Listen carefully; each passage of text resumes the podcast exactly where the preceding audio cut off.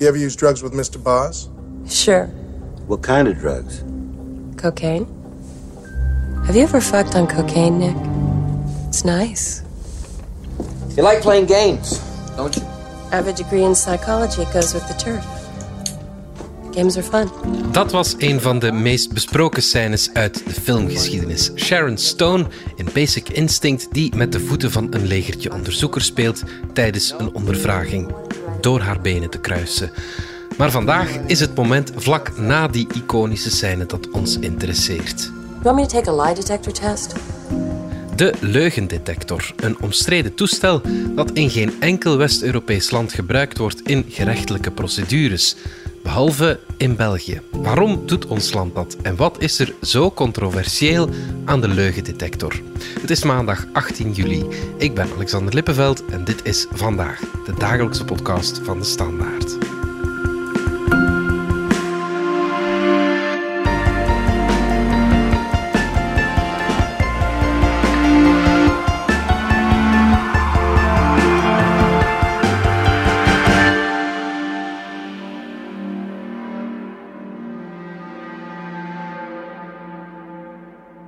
Minister van Justitie Vincent van Quickenborne werd vorige week aan de leugendetector gehangen toen hij de federale politie bezocht. Als je je rug tegen de rugleuning zet, die hand gewoon met je handpalm naar boven een beetje strekt, ga ik dat op je plaatsen. De camera's van VTM die waren er ook bij en de journalist maakte van de situatie gebruik om ook even te vragen naar de sfeer binnen de federale regering. Meneer, meneer minister, is de, de sfeer in de federale regering nog altijd goed? Uh, op het ogenblik wel. En wat zegt dan de test? Ja, het ziet er uh, waarheidsgetrouw uit. Ik heb wel gezegd op dit, Op dit ogenblik, ja. Dat is wel Dries de Smet van onze wetenschapsredactie en Mark Eekhout, misdaadreporter. Hoe zit het met jullie? Hebben jullie al eens een uh, leugendetectortest ondergaan? Ik heb het nog nooit gedaan, maar Mark wel. Ja, inderdaad. Ik heb in 2000, 2009... Een moord gepleegd? Of, uh...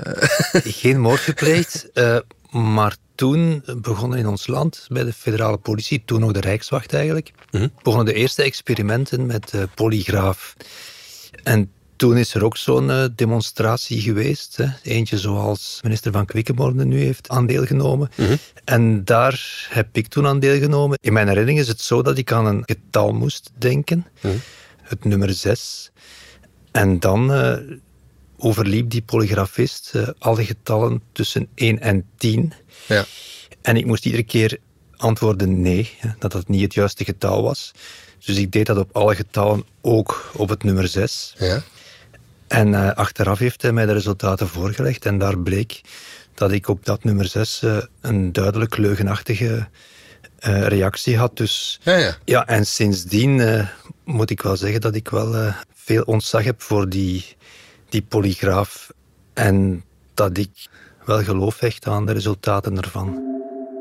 Maar het wetenschappelijke van die polygraaf wordt in vraag gesteld. Misschien moeten we eerst even uh, zeggen wat zo'n leugendetectortest juist is. Hoe, hoe werkt dat, zo'n ding? Ja, je hebt die in uh, veel verschillende vormen.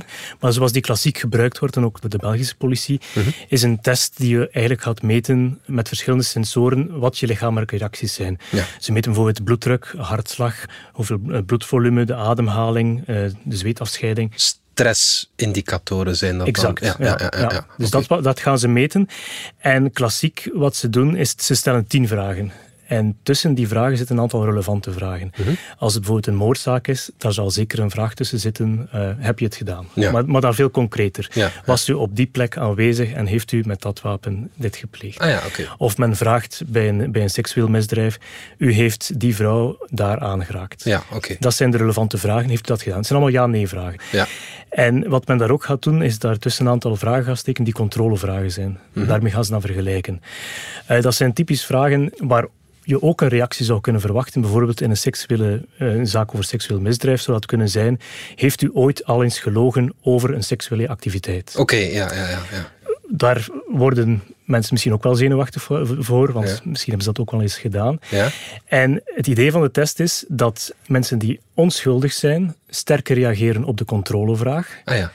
En degenen die schuldig zijn, die reageert sterker op de relevante vraag. Ja. En het zijn eigenlijk de reacties die men gaat gaan vergelijken tussen de twee. Want je hebt altijd een bepaalde hartslag en die kan hoog zijn doorheen de test, omdat je nu eenmaal zenuwachtig bent voor de test. Ja, dat is een Maar- zenuwslopende context, Voilà, kan ik me inbeelden. ja. Ja. Maar dus als het op al die waarden, zowel hartslag als bloeddruk als, als ademhaling bijvoorbeeld, sterk afwijkt op de relevante vragen, dan is het waarschijnlijk dat je schuldig bent Ah, en andersom. En wie wordt er aan zo'n eh, polygraaf gehangen? Is dat bij een bepaald soort verhoor of bij een bepaald type van, eh, van feiten? Het, wordt in veel procedures gebruikt, eh, maar eigenlijk de grootste toepassing is in zedenzaken. Daar is ook heel, heel vaak woord tegen woord. Ja. Er zijn niet veel bewijzen behalve de betrokkenen. Dus daar wordt het het meest voor gebruikt, maar het wordt ook heel, ook heel vaak gebruikt in, in bijvoorbeeld moordzaken of, of andere gerechtelijke procedures. Ja, dingen die vaak vastzitten, onderzoeken of... eh, Ja, er zijn eh, voorbeelden legio. Hè. Ik herinner mij zowat alle mensen die ooit genoemd zijn als eh, mogelijke daders in, de, in het dossier van de bende van Nijvel, ja. zijn aan de polygraaf gelegd. Hè. Onder meer Madani Bouhouche en Robert Beyer. Die zijn er eigenlijk alle twee goed uitgekomen. Die hun verklaringen waren niet leugenachtig. Hm. Het is misschien ontgoochelend, maar aan de andere kant doet dat de speuders ook weer met een meer open geest denken. Hè. Ja. Misschien hadden ze wel verwacht van, ja, die gaan, eh, die gaan door de mand vallen. Niet dus, ja. Misschien zijn ze wel onschuldig. Hè. Dat, dat kan de speuders eh, verlossen van hun, zoals dat dan heet, eh, confirmation bias. Ja, ja, ja. Aan de andere kant, er zijn heel wat moordzaken die vastzaten, die, die door de polygraaf zijn opgelost. Ik herinner me nog eentje, dat was eh uit Doornik. Er was een meisje vermoord, Severine Lekeus heette die. De dader was spoorloos. Maar op een bepaald moment kwam die papa in, in beeld als dader. Eh, nu, er was geen enkel element tegen hem. En hij is akkoord gegaan met een eh, test aan de polygraaf. En toen bleek dat hij loog. Oké, En toen heeft hij ook eh, de moord op zijn dochter bekend. Ja. Wat voor iedereen een enorme verrassing was. oké, ja, ja. En zo zijn er, eh, ja, ook in de jaren daarna, zijn er nog eh, gevallen geweest. Ik herinner mij Abdallah Ait Oud, hè. die had in Luik eh Stacey en Nathalie vermoord. Of tenminste, dat dacht men, want hij ontkende alles. En toen heeft hij eigenlijk zelf om een test met de polygraaf gevraagd. En hij is daar als leugenaar uitgekomen. Ja. Achteraf is dan ook gebleken uit, uit wetenschappelijk onderzoek ja, dat het wel moest gedaan hadden. Dus die test met de polygraaf die werd dan eigenlijk gesteund door een heel aantal wetenschappelijke elementen. En op basis daarvan heeft de jury hem ook veroordeeld. Hoe, hoe vaak wordt die ingezet zo eh, elk jaar, zeg maar, in België? Ja, tot 500 keer per jaar. Oh ja. Eh, nu, vorig jaar en het jaar ervoor, dat was minder, maar toen was het ook corona en ze hebben ook een tijdje de test niet kunnen gebruiken, doordat de, een aantal, verder was een KB niet gepubliceerd, dus was, Ah ja, toen kon het niet. Ja. Maar bijvoorbeeld in 2019 is het 271 keer gebruikt. Ja, ja, ja oké. En hoe vaak heeft dat dan tot een, een doorbraak geleid, weten we dat? In 1 op de 10 gevallen ongeveer krijg je een bekentenis. Ah ja, oké. Minister van Justitie van Quickenborne zet nu in een omzendbrief de puntjes op de i wat betreft eh, het gebruik van die leugendetector. Wat staat er juist in die brief? Bijvoorbeeld, wie mag er onderworpen worden aan zo'n test? Dat zijn niet alleen verdachten, het kunnen ook getuigen zijn of slachtoffers. Ah ja, dat ook voorstellen om een eh, test met de leugendetector te ondergaan. Mhm. Eh, wordt bijvoorbeeld bepaald dat het niet mag gebruikt worden voor mensen die jonger zijn dan 16. Ook niet voor zwangere vrouwen bijvoorbeeld. Ehm, niet omdat men denkt dat zwangere vrouwen dat niet zouden kunnen, maar men wil dat risico niet nemen. Stel dat iemand die test ondergaat eh, en daarna een miskraam doet. Men wil dat niet op zijn geweten hebben. Dus dat, is, dat is de reden waarom dat men dat niet doet. Ja. Ehm, wordt ook bepaald bijvoorbeeld, ja, wat zijn de specificaties van die test? Aan wat moet die test voldoen? Wie mag die afnemen? Dat moet dus een, een polygrafist zijn. Ja. En in België betekent dat dan dat de, dat de federale politie dat doet. Ja, ja, ja oké. Kan je als eh, verdachte of als getuige wat dan ook een test weigeren? Zeker. Ja. Het, is, het is altijd vrijwillig. Oké. Dus eh, in principe mag je weigeren. Je hebt dat recht. Ja. En dat mag in principe ook geen gevolgen hebben. Ja, oké. Ja, ja, ja. Natuurlijk, als je een test weigert, dan heeft dat ergens wel een connotatie. Ja. Ik herinner mij bijvoorbeeld, eh, dat is nog niet zo lang geleden, op het proces Aquino, hè, waar een Bosnische misdaadklan terecht stond voor de moord op eh, Silvio Aquino, de godvader van de familie. toen heeft de, de man die verondersteld werd de opdrachtgever te zijn, Marino Trotta, die heeft een test met de polygraaf geweigerd. Ja. De speurders hadden hem die voorgesteld omdat er eigenlijk ja, geen bewijzen tegen hem waren. Hij ontkende ook hardnekkig. Uh, ja, het zou van, van hem ook niet slim geweest zijn om aan die polygraaf te liggen. Het heeft natuurlijk wel een, connotatie van, ja, het is toch verdacht dat hij dat weigert. Ja. Op het proces is dan bovendien ook nog gebleken dat, dat plots hè, al die uitvoerders, heel die Bosnische misdaadklan, toch zeiden van kijk, Trotta is de opdrachtgever. En hij heeft dan eigenlijk ook nog een halve bekentenis afgelegd. Dus ja... Dat zijn zo wat mixed signals. In een, zo, Zeker in een assiseproces kan dat wel uh, ja, een ja. impact hebben. Ja. Dus ja, we moeten eerlijk zijn, het weigeren van een, van een uh, polygraaftest. Uh, Els Klottemans trouwens in de parachutemoord heeft ook een leugendetectortest geweigerd ja, dat is wel een element dat niet in je voordeel speelt. Het speelt niet in je voordeel, maar het mag nooit het enige element in de bewijsvoering zijn. Dat zei minister van Quickenborne aan VTM. Niks is 100% sluitend. Zelfs een DNA-test is niet 100% sluitend. Uh, vandaar dat dit een aanvullend bewijs is. Op zichzelf zal het onvoldoende zijn om iemand uh, te veroordelen. Dus men moet ook op zoek gaan naar andere elementen, andere bewijsstukken om uh, een beslissing te kunnen nemen als magistraat. Ik herinner mij zaken. Claudie Pierret, seriemoordenaar, die is uh, een aantal jaar geleden veroordeeld voor de, de moord op drie vrouwen. Mhm. Maar die was de jaren daarvoor ook al eens gearresteerd geweest. Op basis van één haartje van een van die vermoorde vrouwen in zijn auto. En een uh, slechte test op de polygraaf, hè, Okay. waar hij als leugenachtig uitkwam. Maar er is toen verder in het onderzoek niks gevonden, dus die man is vrijgelaten uit voorhechtenis. Toen heeft men geoordeeld bij het gerecht, ja, die polygraaftest en een haartje alleen, dat is niet genoeg om iemand voor assise te brengen. Hmm. En pas jaren later zijn er echte bewijzen gevonden. Als dat zo zou zijn, dat een positieve polygraaftest genoeg is om iemand te veroordelen, ja, dan kan je misschien beter eh, de politie afschaffen en, en gewoon nog een paar Ja. polygrafisten over, Voilà. overhouden. Ja. En dat kan natuurlijk niet en, en dat, ja, dat, dat hoort ook niet. Het Nee, nee. mag alleen maar een, een, een steunbewijs zijn. Nee, ja, maar bon, het kan een eh, doorslaggevend steunbewijs zijn, dat dan wel. Ja, ook al zijn er natuurlijk heel veel advocaten die het daar niet mee eens zijn. Ja. Dat brengt ons bij de wetenschappelijke kritiek. Dries, er is heel veel kritiek op het gebruik van die polygraaf. Op, wat is dat eh, gestoeld? Ja, zoals elke test, en dat heeft Mark eigenlijk ook al aangegeven, die is niet perfect. Mhm. Dus er worden daar fouten mee gemaakt. Er worden mensen als leugenachtig bestempeld die de waarheid spreken. En er zijn mensen waarvan men zegt dat die de waarheid spreken en die leugens verkopen. Mhm. En dan moet je kijken, ja, hoe groot is die fout? En als je dat dan bekijkt, men heeft daar wel wat wetenschappelijk onderzoek naar gedaan, maar men staat daar eigenlijk niet zo heel ver in het bepalen van, ja, hoe goed is die test nu? Ja. Wat duidelijk is, is dat die test beter is dan een muntje opgooien. Dat wil zeggen Ja. dat die test in... Ja goed, dat, dat is al Ja, belangrijk. ja, dat wil zeggen dat die test in staat is om er een aantal leugenaars uit te halen. Dus dat die test op zich ook wel werkt. Alleen is hij niet perfect. En dan is de vraag, ja, hoeveel fouten maak je als je die test gaat gaan toepassen? Ja, ja, ja. Dat is een heel belangrijke vraag natuurlijk. Ja, en daar zegt de politie dan, ja, dat is een zeer betrouwbare test. We hebben een betrouwbaarheid van 92 tot 98 procent. Mhm. Wat zeker niet slecht lijkt. Mhm. Maar als je dan kijkt naar wetenschappelijke literatuur, dan wordt dat eigenlijk niet ondersteund. Ja. En hoe kan je die test omzeilen? Er worden zo een aantal trucken naar voren geschoven. Dus men maakt eigenlijk gebruik van het principe van die test. Stel nu dat jij schuldig bent en je wil onschuldig uit de test komen. Ja. Je weet, als je onschuldig bent, dan zou je sterker moeten reageren op de controlevragen. Ja. Dus wat men dan doet, men heeft daar ook trainingen voor om dat mensen te laten omzeilen, is men leert mensen om heftiger te reageren op die controlevragen.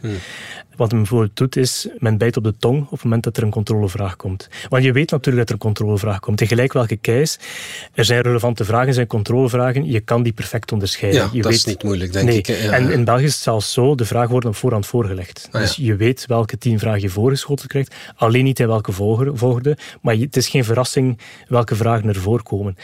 En je kan bijvoorbeeld op je tong bijten, of je kan je inbeelden dat iemand jouw gezicht slaat op het moment dat die controlevraag gesteld wordt, waardoor je Ah, ja. ook een reactie zal hebben. Alleen zegt de politie daarvan, ja, wij kunnen dat op zich ook wel onderscheiden. Nog, nog zo'n truc is bijvoorbeeld de kringspier samentrekken. Ah ja. Eh, omdat dat ook een, een fysieke reactie geeft. Dus Ja, je zal ja, dat ja. ook, ook zien in de, in de parameters die ze meten. Ja. Maar dan heeft de politie ondertussen ook een stoel die meet wat die een bewegingssensor heeft op het zitvlak en op de armleuning. En dus dat zal ook zichtbaar zijn dat je op dat moment iets aan het doen bent om die test te proberen omzeilen. Hm, Oké, ja. Ja, en ook dat is belangrijk natuurlijk. Hè, voor, voor, voor de politie weten dat je aan die polygraaf ligt, dat je daar getest wordt, maar dat je raar, vreemd doet, Mhm.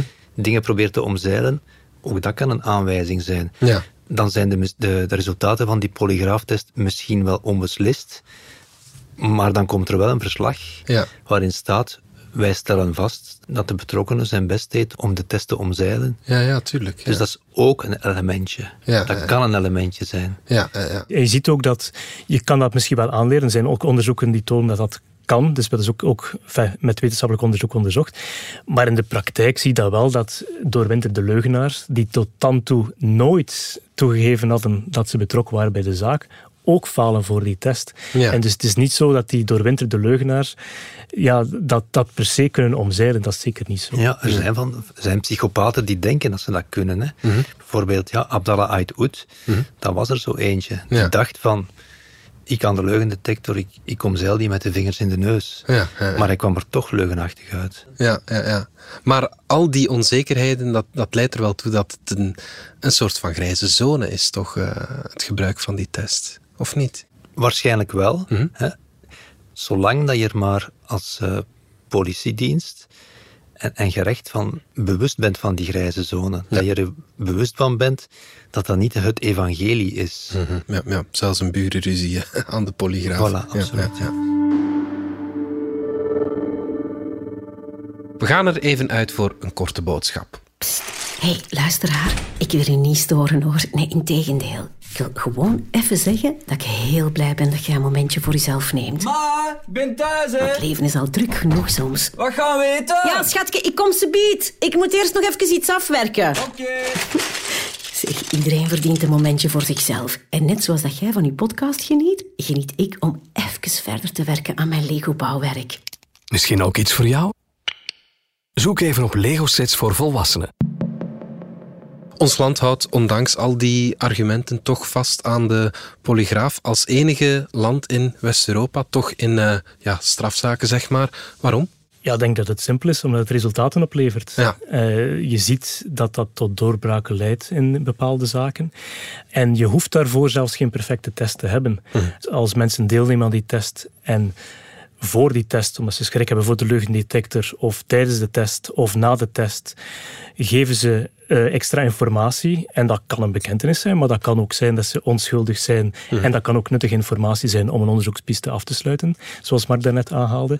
Dus dat levert resultaat op. Dus vandaar begrijp ik dat België daaraan vasthoudt. Ik begrijp ook waarom de andere landen het niet gebruiken. Omdat je bij zo'n instrument moet je de afweging maken, oké, wat levert het op? En wat is de kost om zo'n test te gaan gebruiken? Ja. En die kost in dit geval is dat je ook verkeerde resultaten gaat hebben. Je zal mensen hebben die schuldig zijn, maar die onschuldig blijken. Daarvan kunnen we nog zeggen, dat is misschien niet zo erg. Liever, Ja, het is liever ja, Ja. Maar, maar feit, daar gaan we toch in het rechtssysteem van uit. Liever Ja. een schuldige vrijheid laten gaan dan onschuldige Inderdaad. ehm, in de gevangenis stoppen. Maar je hebt dus ook die fout waarbij dat onschuldigen toch als leugenachtig gekenmerkt worden. Oké, ja. En we weten niet precies hoeveel het er zijn. Bruno Verschuren, dat is een, eh, een forensisch psycholoog aan de Universiteit van Amsterdam, die heeft onlangs een overzichtsartikel gemaakt waarin hij alle wetenschappelijke literatuur, literatuur samenlegt en kijkt, ja, wat, is, wat zijn nu die fouten die gemaakt worden? Ja. En dan zie je dat die ene fout, waarbij mensen die schuldig zijn en toch blijken de waarheid te spreken Mhm. eh, door de leugendetector, de leugendetector zegt, spreek toch de waarheid, dat dat minder vaak voorkomt. 1 tot 13 procent van degenen die schuldig zijn. ja. Dat een schuldige niet leugenachtig bestempeld wordt, Voilà. dat wil je zeggen. En ja. is de leugendetector in de fout gaat. Ja, want ja, hij had moeten zeggen, je bent leugenachtig. Ja, ja. En dan heb je die andere fout, waarbij iemand onschuldig is, maar dan wel als leugenachtig bestempeld wordt. Dat komt vaker voor en dat komt voor, wordt op basis van onderzoek geschat, tussen de 10 en de 23 procent van de gevallen. Dat is al wat meer, ja. ja, Ja. ja. en dus dat betekent dat die test vaker in de fout gaat bij mensen die onschuldig zijn. ja, ja. En oké, het zijn simpele berekeningen, maar op basis van dat soort percentages kan je dan een berekening gaan maken voor elke positieve bevestiging van iemand die schuldig is. Mhm. Eh, iemand is schuldig en de leugendetector zegt, jij bent leugenachtig. Ja, hoeveel mensen zijn er die dan onschuldig zijn en toch als leugenachtig bestempeld worden? En als we ervan uitgaan, want dat blijkt uit die test, dat ongeveer twee derde blijkt uit de test onschuldig zijn. Dus laten we zeggen dat dat het werkelijke cijfer is. Dus Ja. twee derde is onschuldig, een derde is schuldig. En je hebt die percentage die ik daarnet opnoem, je neemt er ongeveer een gemiddelde van. Ja, dan heb je per bekentenis, of eh, per keer dat je iemand schuldig verklaart en leugenachtig als leugendetector, per drie mensen heb je één mens die leugenachtig bestempeld wordt, maar onschuldig is. Ja. En dan kan je zeggen, ja, vinden we die afweging voldoende? Vinden we dat die kost klein genoeg is om toch die bekentenis te hebben? Het is niet dat zo elke van die zaken tot een doorbraak leidt. Mhm. En het is ook niet zo dat iedereen die leugenachtig bestempeld wordt, Ook onmiddellijk de bak in vliegt. Voilà, ja. dus dat is nooit, zoals je ook al zei, anders, dat is ja. een ondersteunend bewijs. Het kan nooit het enige bewijs zijn. Dus misschien moeten we die kost ook niet overdrijven. Zijn er dan geen alternatieven die eh, betrouwbaarder zijn? Ja, er zijn nog zeg maar, leugendetectietesten. Eén daarvan is bijvoorbeeld de geheugendetectietest. De, ja, voor een West-Vlaming is dat een Dat is een zeer moeilijk woord. Ik Ja. zal, ik zal het maar één keer uitspreken. Eh, en wat die test eigenlijk doet, is gaan kijken... Zit een bepaald aspect van die zaak in iemand zijn geheugen? Ah ja.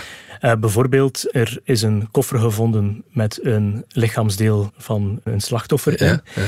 En men wil weten van jou, ben je daarbij betrokken? Wat gaat men in die test gaan doen? Men zal gaan zeggen, men koppelt je ook aan een apparaat waarin men reacties gaat gaan meten. Mhm. En men kijkt, men, men zegt het was een rode koffer, een groene koffer, een blauwe koffer, een zwarte koffer. En men overloopt alle mogelijkheden. In die koffer zat een arm, een voet, een romp, een hoofd. En men Ja. kijkt waar moet jij over nadenken en wat zou in je geheugen kunnen zitten. Ja. Eh, dat is ook helemaal geen perfecte test, dus dat, dat kan je niet zien als, als het alternatief. Kan je natuurlijk ook in veel minder zaken gaan toepassen. Mhm. En het gevaar daarbij ook is dat ja, mensen vaak iets over een zaak weten doordat Mark daar bijvoorbeeld over geschreven heeft. Ja, ja. Eh, omdat nu eenmaal bij spraakmakende zaken ja, wordt er al heel veel in de media gebracht. Ja. En dat is ook logisch. Men Ja. weet dat er een koffer gevonden is die misschien die kleur had. En waar men dan weet, er zat een romp in die koffer.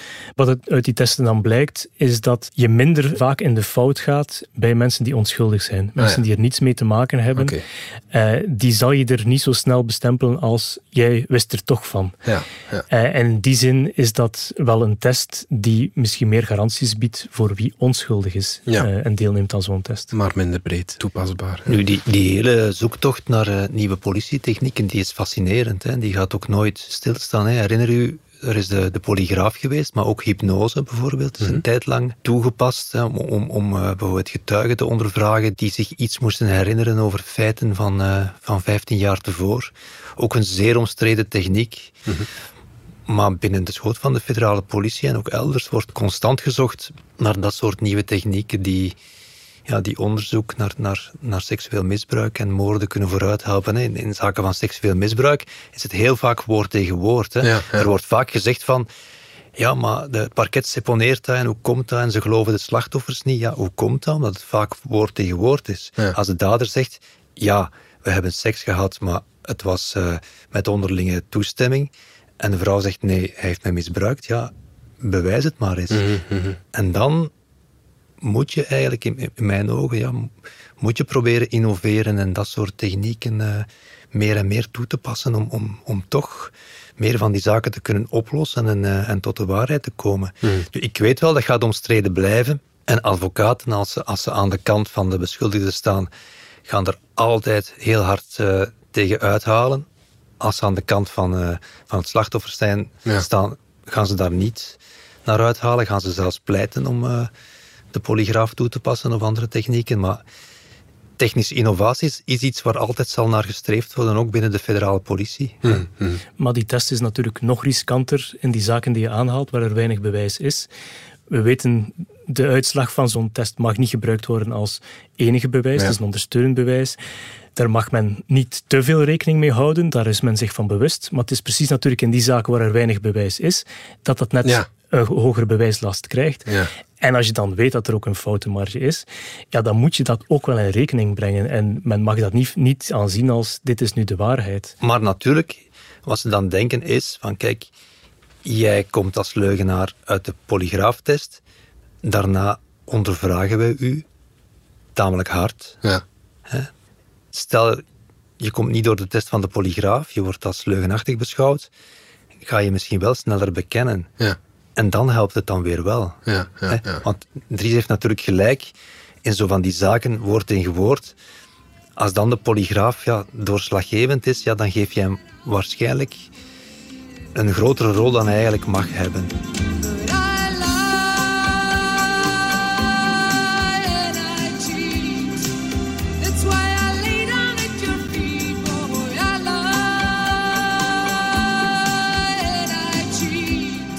Stel, jullie zijn betrokken in een zaak, jullie zijn allebei onschuldig en er wordt je gevraagd om een test te doen. Zou je het dan doen of niet, Dries? Ik zou het niet doen, nee. Omdat je het niet betrouwt. Ehm, ja, nee, omdat, er, is, er is een zekere foutenmarge bij die test. Ja. En stel nu je bent onschuldig en je weet die test maakt ook die fout. Dat is heel moeilijk om van dat etiket af te geraken waarbij ze dan zeggen, ja, je bent leugenachtig. Ja, ja. Want ja, een wetenschappelijke test heeft aangetoond dat je leugenachtig bent terwijl je onschuldig bent. Ja, ja, ja. Waarom zou je dat risico lopen in zo'n Ja, zaak? ja. Je bent in het Belgisch rechtssysteem ook niet verplicht Ja. om je onschuld te bewijzen. Net andersom. Ja, ja, ja. Jij zou het wel doen, Mark. Ik zou het wel doen, Ja, absoluut. Ik ben eh, genoeg overtuigd van de, van de wetenschappelijkheid van de polygraaf. Ja. En stel dat je schuldig bent, zou je het dan doen? Dan zou ik het zeker niet doen. Oké. Oké. Ik ook niet. Want ik denk dat je een grote kans loopt om, om toch eh, als schuldig aangemerkt te worden. Ja. Tenzij dat je in die situatie zit waarom dat je ja, echt wel voelt van ja, ik kan er geen kant meer uit, ze weten dat ik het gedaan heb. Ja. Als je dan zo'n test doet, ja, kan het alleen maar aan je voordeel uitdraaien. Misschien heb je die kleine kans dat het een vals negatief is en dan heb je toch nog weer een bewijs aan je voordeel. Goed. Dries de Smet, Mark Eekhout, dank jullie wel. Graag gedaan. Graag gedaan. Dit was vandaag de dagelijkse podcast van De Standaard. Bedankt voor het luisteren. Volg ons op Spotify, Apple Podcast of eender welk ander podcastplatform. In onze gratis app DS Podcast kan je niet alleen ons werk beluisteren, maar ook de beste podcasttips voor op vakantie of ergens onderweg met zorg geselecteerd door onze redacteur Max de Moor. Alle credits van de aflevering die je net hoorde vind je op standaard.be-podcast. Reageren kan via podcast.standaard.be. Morgen zijn we opnieuw.